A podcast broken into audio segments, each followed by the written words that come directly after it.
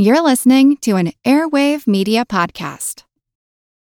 When you need mealtime inspiration, it's worth shopping Kroger, where you'll find over 30,000 mouthwatering choices that excite your inner foodie. And no matter what tasty choice you make, you'll enjoy our everyday low prices, plus extra ways to save, like digital coupons worth over $600 each week. You can also save up to $1 off per gallon at the pump with fuel points. More savings and more inspiring flavors make shopping Kroger worth it every time. Kroger, fresh for everyone. Fuel restrictions apply.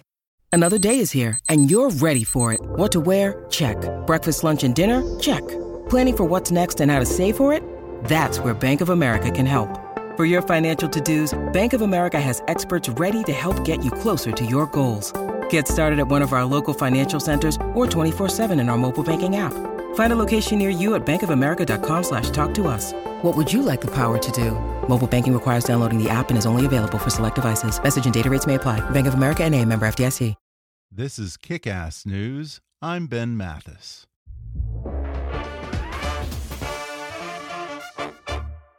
When you need energy on the go and don't have time to wait in line, grab Espresso Monster. Espresso Monster is a premium blend of espresso and cream made with freshly brewed espresso coffee, hormone free milk, and a unique energy blend complete with taurine and B vitamins.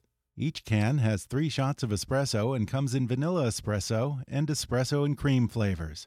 I had one this morning before I came into the studio, and let me tell you, it gave me just the boost I needed to get my day going. Plus, it tastes so delicious, I'd drink it anyway. So close your eyes, take a sip, and enjoy Espresso Monster today. And now, enjoy the podcast. Hi. I'm Ben Mathis. Welcome to Kick Ass News. You know Paul Lieberstein from his memorable role as Toby Flenderson on The Office, the hit TV show on which he not only acted, but directed, wrote, and for four of its nine seasons served as showrunner. But what you might not know about the mild mannered Lieberstein is that for 20 years he suffered from debilitating back pain that was at times so excruciating that some days he couldn't move at all. But then, a decade ago, he went through a major transition in his life when he realized that his back pain was psychological in origin and tied to his lifelong suppression of anger. The man who never yelled once before the age of 40 decided to totally rethink how he dealt with his emotions, and the backaches that many doctors said would require surgery miraculously vanished. The experience was so surprising and significant for Paul Lieberstein that it inspired him to write, direct, and star in a new film titled Song of Back and Neck. The film is Paul's directorial debut and was nominated for Best Narrative Feature at this year's Tribeca Film Festival.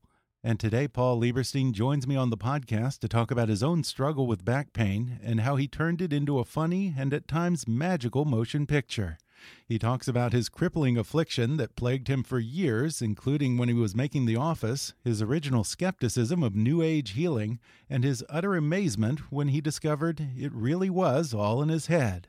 He shares how the king of indie filmmaking, Mark Duplass, convinced him to make the movie himself rather than selling it to a Hollywood studio, how he made something as seemingly mundane as back pain visually compelling on the screen, and the complications and conflicts of interest that can arise when you're directing yourself. We talk about his nine seasons playing Toby on The Office, what it was like to do double duty as an actor and a showrunner, he reveals that during the first season, NBC initially didn't think the show would last more than a few episodes and weighs in on recent talk of an Office revival. Plus, he addresses how The Office's Michael Scott might fare in the age of Me Too, whether there was more to Michael Scott's visceral hatred for Toby, and favorite fan theories, including one that suggests that Toby was secretly the Scranton killer. Coming up with Paul Lieberstein in just a moment.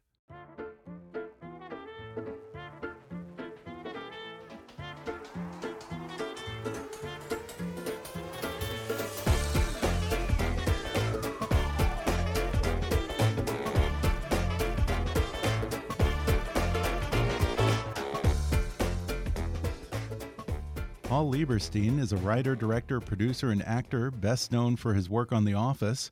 He played Toby Flenderson as well as wrote on the show all nine seasons and served as executive producer and showrunner for seasons five through eight. He was co showrunner with Aaron Sorkin on the final season of The Newsroom, where he also wrote, directed, and acted. Other series include King of the Hill, The Drew Carey Show, and The Bernie Mac Show.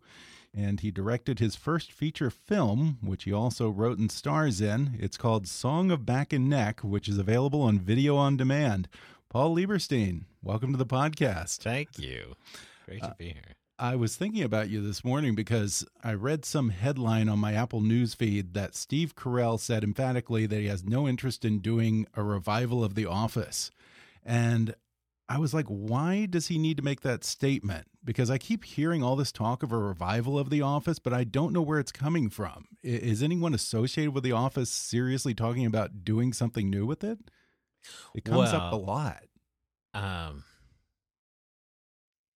yeah, I think you know NBC recently came around to wanting it again. Oh, okay. You know, it took the, took them a while mm -hmm. to uh, to um, kind of recognize that maybe they had a good thing there.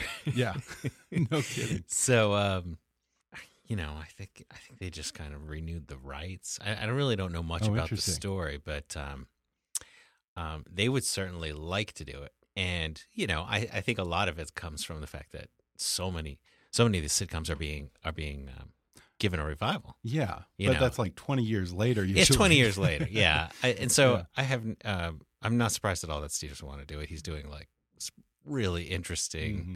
work now. You know, so really, yeah, and. Um, and you know what? Most of the cast has is has moved on as well. I mean, I yeah. I can't imagine people are available uh, yeah, I mean, uh, I'm sure the fans would love it, but I also have to think that The Office would be a very different show in the Me Too era.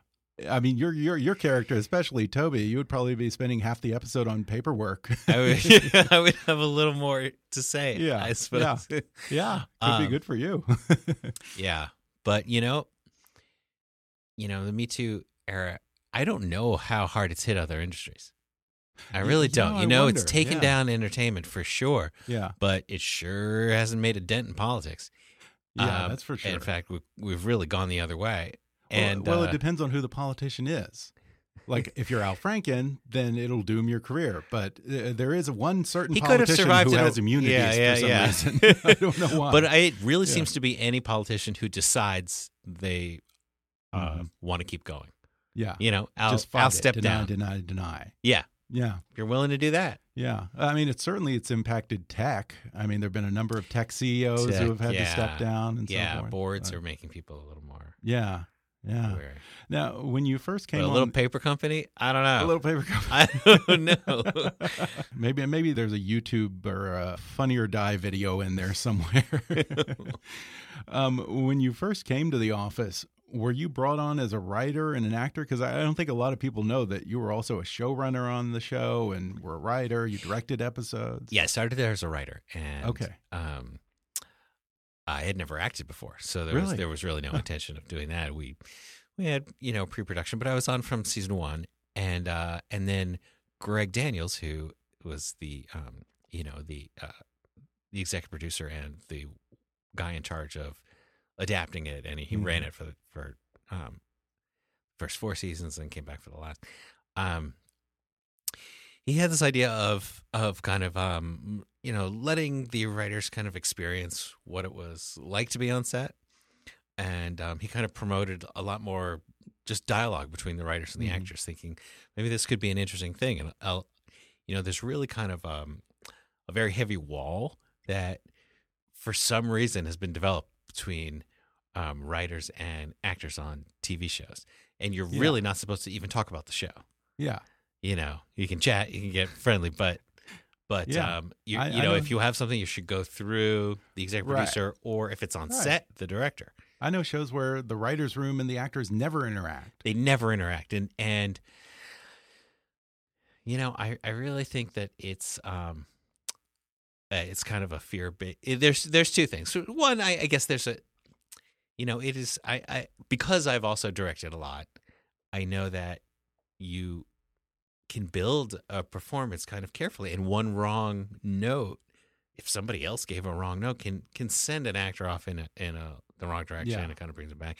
I, I think there is a creative reason to kind of, especially on set, to funnel everything through one person. hmm Um, uh, and make sure you know I've been on set where an actor's getting notes from three different places and they conflict Yeah. and it's like what what what the hell Yeah. you know what I'm supposed to do but at the same time I think that this wall is there more for people to kind of consolidate power you know some people Mm-hmm. just don't want are just threatened by Yeah, it by makes people. sense. so so Greg not being a guy who's who's who's threatened by things like that uh, decided, hey, what's going to be like to to kind of rip down this wall and promote? And the result was amazing. Yeah, and it wasn't just you. I mean, there were a lot of writers who were also actors, and of course, Phyllis famously started out as, I think, the casting director. Yeah, yeah, right? yeah, yeah, yeah. But then Yeah. just even the conversation that there was this fluid hmm flow of ideas that included the the writers and the actors together. Yeah, yeah, I think made it a better show. It's interesting because when you were talking about uh, you know getting notes from all these different places, it made me think of something that I heard John Krasinski once say about the first season, which is that it was so pessimistic behind the scenes because he he claims that like all the NBC people were constantly coming in and saying this is only going to be one season, this is going to be the last episode. were they really that negative on the show that first round? Um, you know, nobody nobody comes in and, say, and says it's going to be canceled, but um, at the same time, people were really not sticking their neck out for this show. hmm They're really, I mean, when we finished the first six, everybody like hugged and said goodbye, and like with a real feeling like that was it. Really? Um, and plus, we were doing something that you know, and didn't really have a place on. Uh, di- di- not that I say it didn't have a place on NBC. It, it didn't have a. Um, there was nothing on NBC that would like lead you to believe that this was going to work there. Yeah. But Kevin Reilly saw it, and um, uh, he was he was the true champion of of The Office uh, at NBC. But when we came back, we were we were back for six episodes, and then we were picked up for three episodes, and then we were picked up for two episodes, and then we were picked up for the remainder of season two. but they were not sticking their nobody was sticking Yeah. their neck out for the show. We were really on the brink of being canceled. Um, Really? When uh, when iTunes just started. I And heard that. So the Yeah, timing was like we were the first show that iTunes that was selling well on iTunes. We were we were promoted. We were like um, b- because of that, we made like if you bought a little iPod at the time. I mean, you couldn't even do it on your phone, but if you bought this this iPod, it would you'd have a picture of the office, you know, embedded Okay. in the little screen Okay. uh, on the box, Okay. you know, and so they were uh, heavily promoting you. they were more than the network was. more than the network was because we were be Yeah. and i think the network finally saw that and said oh wait there's there's definitely another income stream and maybe there's something here that we that we didn't notice Yeah, and it's funny that that was the thing that did it for you guys because I mean you were already on television for free. It's not like this was some cable show on AMC that people, you know, if they didn't have a subscription, could only access on the phone. Yeah, the people already had access. yeah they, had access. Yeah. Now, in those first few seasons, you guys stuck for, or at least the first season, you stuck fairly closely to the original format of the British version. not, exa- not exactly No? uh, really just the first episode Okay. Okay. But the, Um, but the the conceit that it was all a documentary and there was a crew that was kind of shadowing everyone at Dunder Mifflin that was stayed there. through all nine seasons though. Right. But We- it, but it seems to me that they did kind of dial it back over time. And it was just kind of one of those things that faded into the background, except on very rare occasions you might have some kind of breaking the fourth wall type thing where you actually see the crew. It's right in a right in season chaos or something nine like they that. started to um, um Yeah. break the fourth wall. But um, no, a- actually, it, you know, at, at least from my point of view, from Uh-huh. the inside, we had some very strict rules about what it was like to be in a documentary Really? and um, characters awareness. The I think one of the things that you might have noticed, and this is something we talked about and, and did on purpose, was that through time, if you were if you were a if a documentary crew was following you around, four years into being followed around, you're pretty familiar with them. Right. You're not so freaked out. You don't notice them quite as much. You, right. you probably consider them your friend. You know. Um, yeah, and and I forget that you always had the interviews, even in the very last Yeah. seasons. You Yeah. still had the on-camera interviews they were doing, but Yeah. it, but it almost seems so seamless that you forget about it. We would never like be in a place where the doc crew wouldn't be Mhm. loud. We were never in someone's bedroom. Right. There was never. Uh, we had things called spy shots where if we wanted to Right. if we wanted to have people aware kinda- yeah but yeah. we would really pull back the camera hmm put an obstacle between us you know and really try to Yeah. get across the fact that these people were in private and, and would act a little differently Yeah, that's true. Now, what was behind the intense dislike between Michael Scott and your character Toby? Because uh, uh, what I don't understand is that was there from the very beginning, from season one, and I don't know if it's just that he was a guy who didn't like a lot of rules, and you were the HR guy, or if there was more to it. Because it was just an incredibly visceral dislike. Is It that was just a visceral mystery for the ages, or what? It was, um, uh, you know, it. It's not that it wasn't mm, embedded in, in the script, but I think it was definitely something found on set okay. um, in Steve's side. That uh, so there was there was an episode we did. uh, We filmed it fairly early on. Uh, I can't remember what order it was exactly, but it was Meredith's birthday card. Um, and he just couldn't think of something to to sign. He spent the whole episode trying to think, you know, what's the perfect funny thing to write in her card. And I just go into his office and say, "Do you have the card?" And I just fill it out and and say thanks and leave. And uh, and then you just kind of see him staring at me, and in that moment, it you know I really did write in the card, and it really did take like thirty seconds. And he told me that he was, um, in that time he would just um felt himself just well up with hate towards my character, and I think it really informed a lot of everything Yeah. we did after that because it was it just so easy just- for your character. because he would he would Yeah. criticize a lot of people all the time, but there was hate Mhm. uh, when it when it came to my. I think that my character was Yeah. just one that you know was not emotional, Yeah. and his character only dealt on this an emotional level. Yeah, just- yeah. Now, I have to imagine there are probably all kinds of fan theories around a show that lasted that long. Do you have a favorite? Fan theories, Yeah, or I love that I'm the theories, yes whatever that I'm the. Grand Strangler. I, yeah. I think. Oh, uh, yeah, yeah, yeah. it took a lot of uh, um, a lot of internet um, uh, data. Yeah, there's, Mm. a, a lot of gigabytes going to that. Uh, How much Um, of that was improvised versus scripted? Oh, the Scranton Strangler stuff. Oh, well, just everything. Oh, um, the vast majority of it was scripted. Oh, really? Um, yeah, really? yeah. There was there was there was uh, every once in a while there was just a brilliant improvised line that would make it through, but um, often, um, even though people would maybe say something that was maybe even a little bit funnier than than the line that was written, um, it you know the line also had to like serve a story purpose and feed the Mhm. next person to say this, and Right. it you know there was kind of a it's complicated chain of events. So yeah. So not a lot of people like- went off script. No, they they would do it a lot in the beginning, and then when they saw Oh, yeah. started to see the episodes where it was mostly on script, they they they did it less. But um, that's not to say that like they didn't find a lot of stuff. hmm And Steve, you know, when he when he saw an opportunity, he sees, and and he's so fast. Yeah. Um, Now, when you took over as showrunner for those four seasons, did that change your dynamic with the cast, or, or because it, everything was kind of fluid behind and in front of the camera, did it make that transition, I guess, a little bit more comfortable? it was pretty comfortable. I had a Mhm. really good relationship with everybody. Yeah. yeah. It's it's not like um, it's not like all the cast was scratching their heads like, what's what's the new guy like? Yeah, You know, they they knew me and they knew my scripts. yeah, Yeah. No, nobody was like, they picked Paul, right, right, right. Or maybe they were, but they didn't say that to me. We're going to take a quick break, and then I'll be back with more with Paul Lieberstein when we come back in just a minute.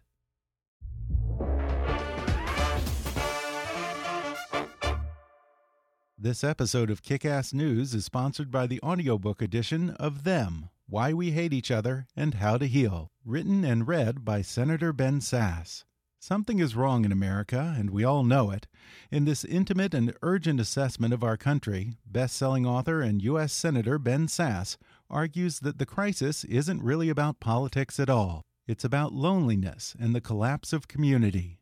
If you listened to my recent interview with Senator Ben Sasse, then you already heard me rave about them. This is a timely and relevant audiobook, and you can hear this compelling audiobook in the author's own voice. Take it with you in the car or around the house. Listen to an excerpt and buy the audiobook now by visiting macmillanaudio.com slash them. That's macmillanaudio.com slash them. Today's episode is sponsored by Zeel. I was a fan of Zeel long before they even became a sponsor on the show, so I'm very happy to talk about them today. Zeel is an amazing service that offers professional in home massages at your door in an hour. After a long day at work or a tense holiday weekend, Zeel is the perfect way to de stress. With Zeel, you get a professional massage in the privacy of your own home, so you don't have to go all the way to the spa or sit around with a bunch of strangers at the gym. Just open the Zeel app and choose your favorite massage style. You can pick from Swedish, deep tissue, sports, prenatal, or sleep massage. An hour later, a licensed massage therapist shows up at your door. They even bring their own massage table. It's just like the spa comes to you. The best part is, tip is included so you don't have to dig around for cash when you're done. Just rinse off in your own shower and get back to your day, or go straight to bed. I already told you that I use Zeel and I'm a big fan. Sometimes, after a workout or sitting at a desk all day, my back gets stiff and I can really use a massage. But the last thing that I want to do is deal with going to the spa and the check in, the locker room, the payment, and then driving home. All that stuff just kills what ought to be a relaxing experience. But with Zeel, a massage therapist comes right to my door. They're always very professional. They bring all the nice spa stuff the oils, the table, the sheets, even the relaxing spa music. And the best part is, when they're done, they leave, and you can do whatever you want. You've really got to give Zeel a try. Download the Zeel app and use the promo code KICK for $25 off your first massage. That's Zeel, Z E E L, and promo code KICK. Zeel, wellness on the way. Use your sports and pop culture knowledge to make some extra cash this week with BetDSI. BetDSI.com has been paying winners for 20 years. With a really user friendly interface and mobile site and the fastest payouts in the industry, it's no wonder BetDSI is top rated on betting review sites. Simply play, win, and get paid. BetDSI offers betting options for everything from NFL, NCAA football, NBA, NHL, UFC, and all other major sports to politics, reality TV, esports, virtually everything. There's also live betting, which lets you bet on games through the entire matchup, every play, and every minute until the end. Try for yourself. New members get 100% bonus match using promo code KICK. That's more than double your money to start winning today. Just go to betdsi.com and use promo code KICK to get this limited time 100% bonus offer and make some extra cash on the sports you know and love. It's only a game until you bet it at BetDSI. And now, back to the podcast. now, you've got this great new movie, Song of Back and Neck, Yeah. which you wrote, directed, produced, and starred in. Um, when you embarked on this project, did you feel like your experience on The Office prepared you to helm a feature film, or was there a little bit of a rude awakening at some point in the process? Um, no, definitely. You know, uh, of course, uh, like uh, uh, running that thing was uh, um, great training, but at the same time, I, I don't think I realized just quite how heavily I was supported Mm-hmm. um, in television compared Right, to independent right. film, which is just wow, you're really on your own. Right. You got a writer's room that's got your back. Yeah. You got the network to deal with, which is a blessing and I a mean, curse. yeah, there's a ton of people to deal with, and extremely Yeah. collaborative. hmm But when you get into film, it's it's just you want to do it, so you just do it. You want to make Yeah. a change on the day, you just change. Yeah. I mean, on some level, it must have been liberating to It go was. from It was amazing. from the network and all that. It's to, you know, terrifying, too, I'm a guy with yeah. a computer. I'm going to bang this thing out, and then I'm going to decide just to go indie and do it myself. Just to do it, yeah. I couldn't believe when I learned that existed. Oh, really? Yeah, like I, when I wrote it, I didn't even know that the the whole indie. I didn't know anything about making a movie, Yeah. and then just I had this friend, Mark Duplass. Who, Oh, yeah. I um, had him on the show. He's oh, great. yeah, he's great. I mean, that's Mr. Indie. Mr. Indy, Yeah, and you, we were talking, and he just Yeah. kind of like laid it out for me, like, "Here's some ways to just make your movie." I thought, "Oh my god, I can just do it!" and we did it. Yeah, that's fantastic. Yeah. Now, I mean, what was the budget? Uh, I'm assuming that you did it on fairly tight budget. Yeah, yeah. It was it was a low budget. hmm At, at, at one point, did you ever consider that you were going to just say sell the script or maybe write and direct and let it be a studio film, be a five, ten million dollar movie? Um, I certainly like. I think that was my assumption going in because I Mhm. didn't even know, Yeah. you know, that you could. Um, but uh, but I think what I when I finished it and started to look around and then took us uh, a look at what was being released and and what that was like. Yeah. I kind of realized, oh, this is not what what people make. You know, they're it's not a genre thing. Yeah. You know, Yeah. um, so for eh, you know they're they're they're still making lots of kinds of movies, but they all really fit into genre if they're Mhm. getting a Right. wide release. Right, right. And I mean, you, you can make a $1 million movie and star in it yourself, or you can make a $21 million movie and get Tom Cruise. So, Right, you can do it right. But Yeah. this movie at twenty million dollars with Tom Cruise still Yeah. like doesn't fit into a marketable genre Yeah. like that. So it it had. I don't think there was a way that this was going to like Mhm. open in in uh, three thousand theaters. hmm So it really did fit the indie world much better, and and um, you know we're we're we're downloadable now. Um, yeah, yeah. And, and the and environment think that's now how people that. are going to watch Yeah. a, this kind of movie. Yeah, I mean, in some ways, it's a lot easier to be an indie filmmaker today than it was 10, 20 years ago, or, you know, at the height, heyday of Miramax or the Weinstein Company and those guys. right. There was a there was a few yeah. gatekeepers back there. Yeah. and if you didn't if it didn't pass that, but Yeah. now uh, you know Yeah, We're out there. goes. we made it and we're out there. It's great. I loved it. Uh, uh, Oh, tonally, it reminds me a lot of Charlie Kaufman's movies because it mixes the realism with the uncanny and a certain sense of wonder. Was he one of your inspirations? Yeah, And doubt, What other no doubt. directors or films did you draw on? Yeah, I definitely looked at at uh, his stuff. Um, uh, I loved his tone. You Mhm. know, I mean, his movies are just Oh yeah, just terrific. Um, and visually tried to kind of capture, you know, some of the some of the Coen brothers' work. Mhm. Although that, Yeah, I I, found that, that. to be really hard with this budget. But, um, and uh, and then some of the older movies too, like Hal Ashby movies. Oh, and- really? Yeah. The Graduate, I watched like probably a Mhm. bunch of times right before filming. yeah, Just I just love that composition. yeah.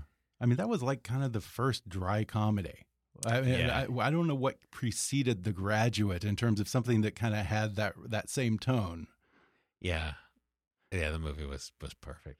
Was Now, was perfect. When you wrote it, did you think that you were also going to star as well? Did you write I this part think for so. yourself? No, um, I mean, I knew it was like definitely something I could do, hmm but no, I. Um, and again, it, it goes back to just like ignorance of what was going on in in film at the time. But, yeah. Um, uh, you know, I assumed that this would be a, a normal movie with a normal uh, studio, you know, uh, actor. Yeah. Now, did the part change much when you decided that you were going to be the star? The part didn't change much. No, No. the you know, I just definitely did a rewrite Mhm. for take away some of the, the Yeah. most expensive parts. But uh, okay, okay. So you rewrote it as a director, yeah, from the perspective of the Yeah, director. yeah. Okay. or producer, yeah. Well, you know, I'm always impressed with artists who can simultaneously do the behind the camera and the in front of the camera at the same time. What is the hardest part of directing and starring? Well, there's this.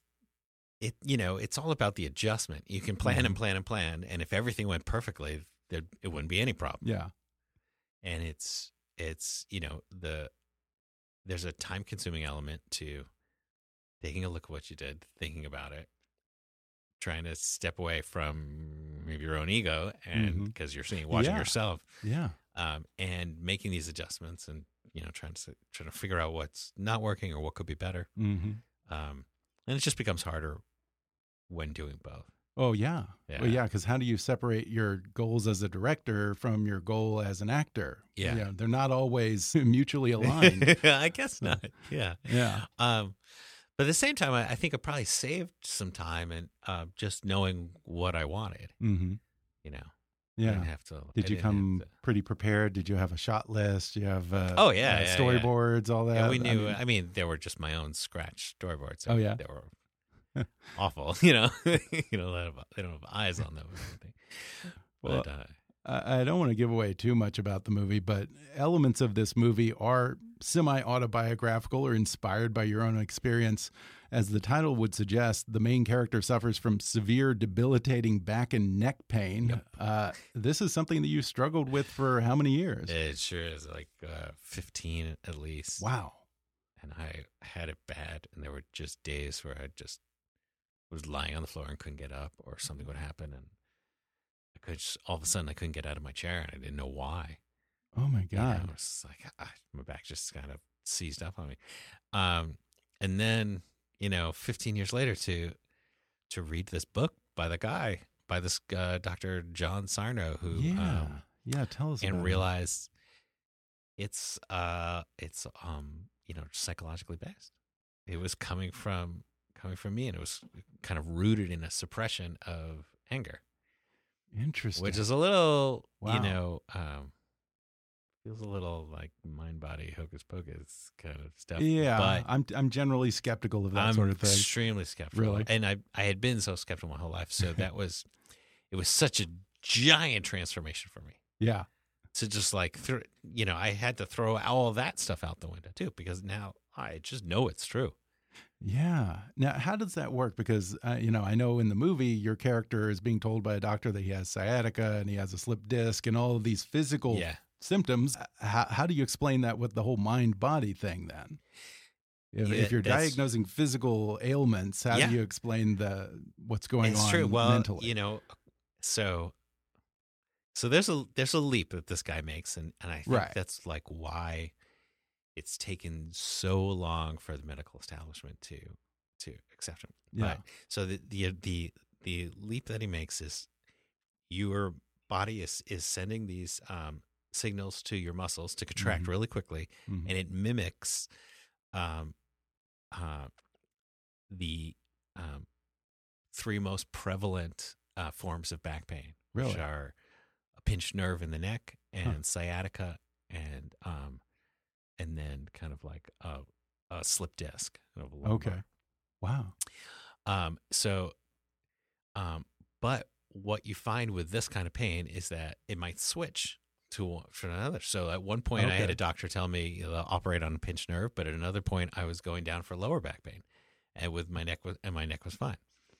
And then It's like whack a mole. it also- it's figure out like- where it is. why why was it terrible one day, but then three weeks later I was running, Yeah. and then it's bad again a month later. Huh. Like, um, there, there's something, and that's the form of so many people's pain. Is that it just comes and goes over years.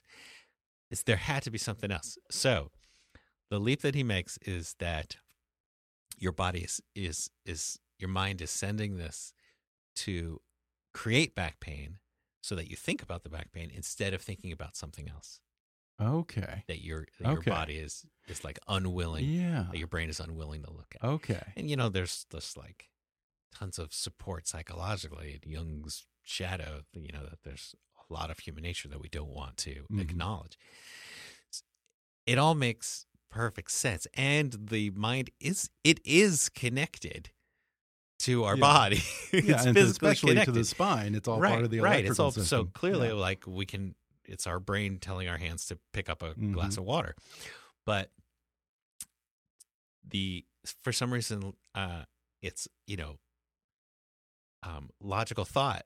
We we all accept that, the the kind of connection that an emotion Mhm. is also connected to our body, we then throw that into New Age Mhm. thinking. Interesting. But there isn't really a reason that we do that.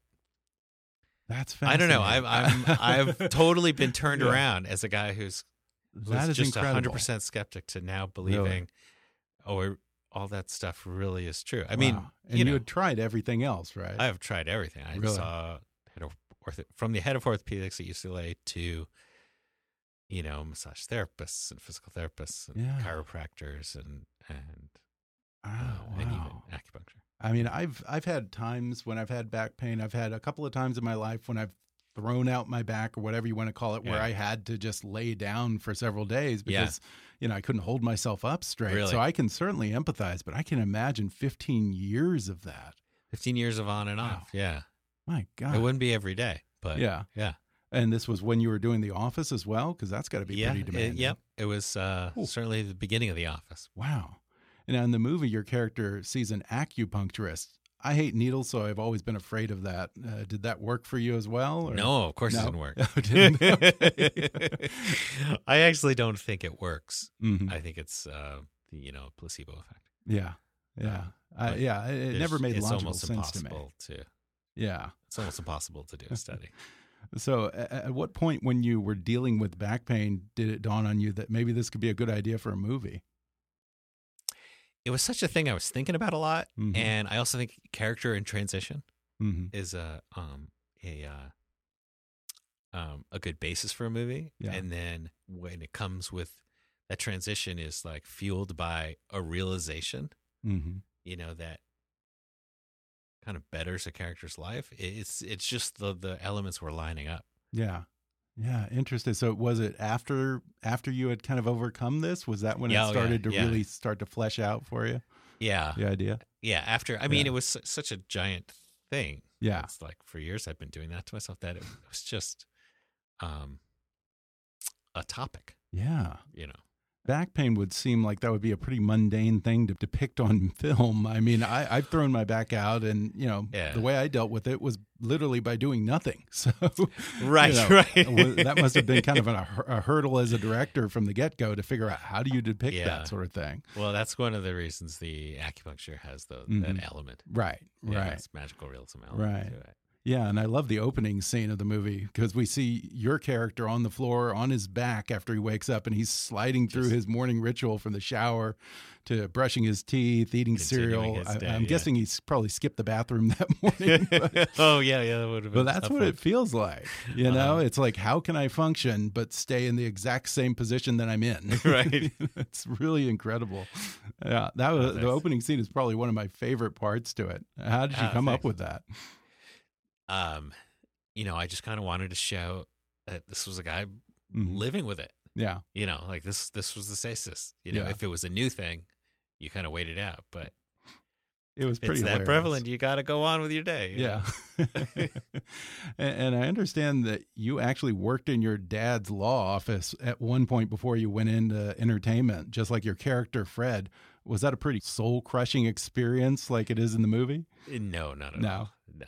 No. Uh. I, I I worked part time while I was writing Okay. scripts and oh, really? um, yeah, I uh, I liked it. It was you know. Did dad ever want you to go into the family business? Oh, he did. Oh, I yeah? think so. Yeah, but it wasn't in the cards. Yeah. I, I- it's funny because I've met a number of people over the years who originally went pre-law or went went to law school and then somehow end up in the entertainment industry. And I don't know why that is, but It's not for everyone. yeah. I'm sure. Does My father was a uh, patent lawyer, which Oh, is okay. a very specific type, and I really would have had to go for it from early on because you need Mhm. a, a science background as well as a, Yeah. Yeah. a law background. Now, again, I, I don't want to give away too much about this film, but music also plays a big role in the movie. In some ways, it's a character of its own, and it's a brilliant device for illustrating, you know, your inner emotional pain and the changes that your character goes through. How did you come up with that? I, can't remember the exact germ, Yeah. but um, you know, to to go on something you were just pointing out a, uh, a minute ago that it was um, you know, I can't just have someone lying in back pain and nothing happens, and it I need some kind of manifestation Mm-hmm. of the pain Yeah. uh, in, an, in an action. Um, and I also wanted to kind of put a different face on the pain because it, it was what it was was something that was like kind of amazing. Yeah. Yeah. It's a brilliant solution to that problem. Yeah. How do you depict that sort of thing? Ah, thanks. Yeah. Who did the music? Antonio Andrade, Okay. who um, is great uh, um, young composer. He works with um, Hans Zimmer, Oh, wow. and uh, Yeah. Um, this is one of the first that he just done on his own. Yeah. Not the first, Yeah. Terrific job. but he's he's he's done. Uh, yeah, he did a great job. Mm-hmm.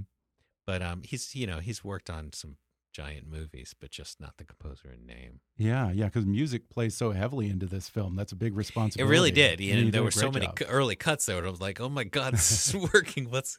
But it Yeah. just didn't. The music just didn't. Yeah, well, yeah, yet. because when, when you were shooting and editing this, you probably didn't have the music yet, so you didn't No. know that. That's And I didn't even a have a element. You didn't know what you were going to have. Yeah, Yeah. I, I mean, I, w- I just wrote in the script that this like it was producing a sound Mhm. that was like somewhere between a beautiful whale song and a um, Icelandic new age band. I love that. That's spot on. But I didn't have a. I didn't know what it was going to be Yeah. until it was created. yeah, it's just such a wonderful, unique movie. Uh, what's next? Are you doing more films or TV? I'm developing a couple TV shows, Yeah. and I'm working on another um, writing my next film. Oh, really? Yeah, Uh, about some other ailment, or it's no, what? it's not about an ailment. Um, it's about the shadows department at a university, based on a short story. The shadows department in a university What Yeah. is the shadows? Department? It's not a real thing, but Oh, umbra- okay. umbrology, Okay. study of shadows, Oh, okay. Oh, cool. and uh, follows a professor, and um, kind of turns into a little bit of a, a murder mystery. Oh, cool. It's be it's been fun. I like it. It's out of my wheelhouse, but I'm I'm uh, yeah. loving it. Now, do you think that you might star in that too? Um, I, I think I'm going to try to pull back and Mhm. maybe I'll play a, a, like a small role. Yeah. Well, once again, Paul Lieberstein's film is called Song of Back and Neck. It's available now on video on demand. Paul, thanks so much for talking with me. Thank you. It's great to be here. Thanks again to Paul Lieberstein for coming on the podcast. Definitely watch his new film Song of Back and Neck, now available on video on demand. And follow Paul on Twitter at, at Paul Lieberstein. When you need energy on the go and don't have time to wait in line, grab Espresso Monster. I had one today and it gave me just the shot in the arm I needed. Plus, it tastes so good, I'd drink it anyway. That's because Espresso Monster is a premium blend of espresso and cream made with freshly brewed espresso coffee, hormone free milk, and a unique energy blend complete with taurine and B vitamins. Each can has three shots of espresso and comes in vanilla espresso or espresso and cream flavors. Close your eyes, take a sip, and enjoy Espresso Monster today. If you haven't already, be sure to subscribe to Kickass News on iTunes and leave us a review. You can follow us on Facebook or on Twitter at, at KickassNewsPod. And as always, I welcome your comments, questions, and ideas at comments at kickassnews.com. I'm Ben Mathis, and thanks for listening to Kickass News.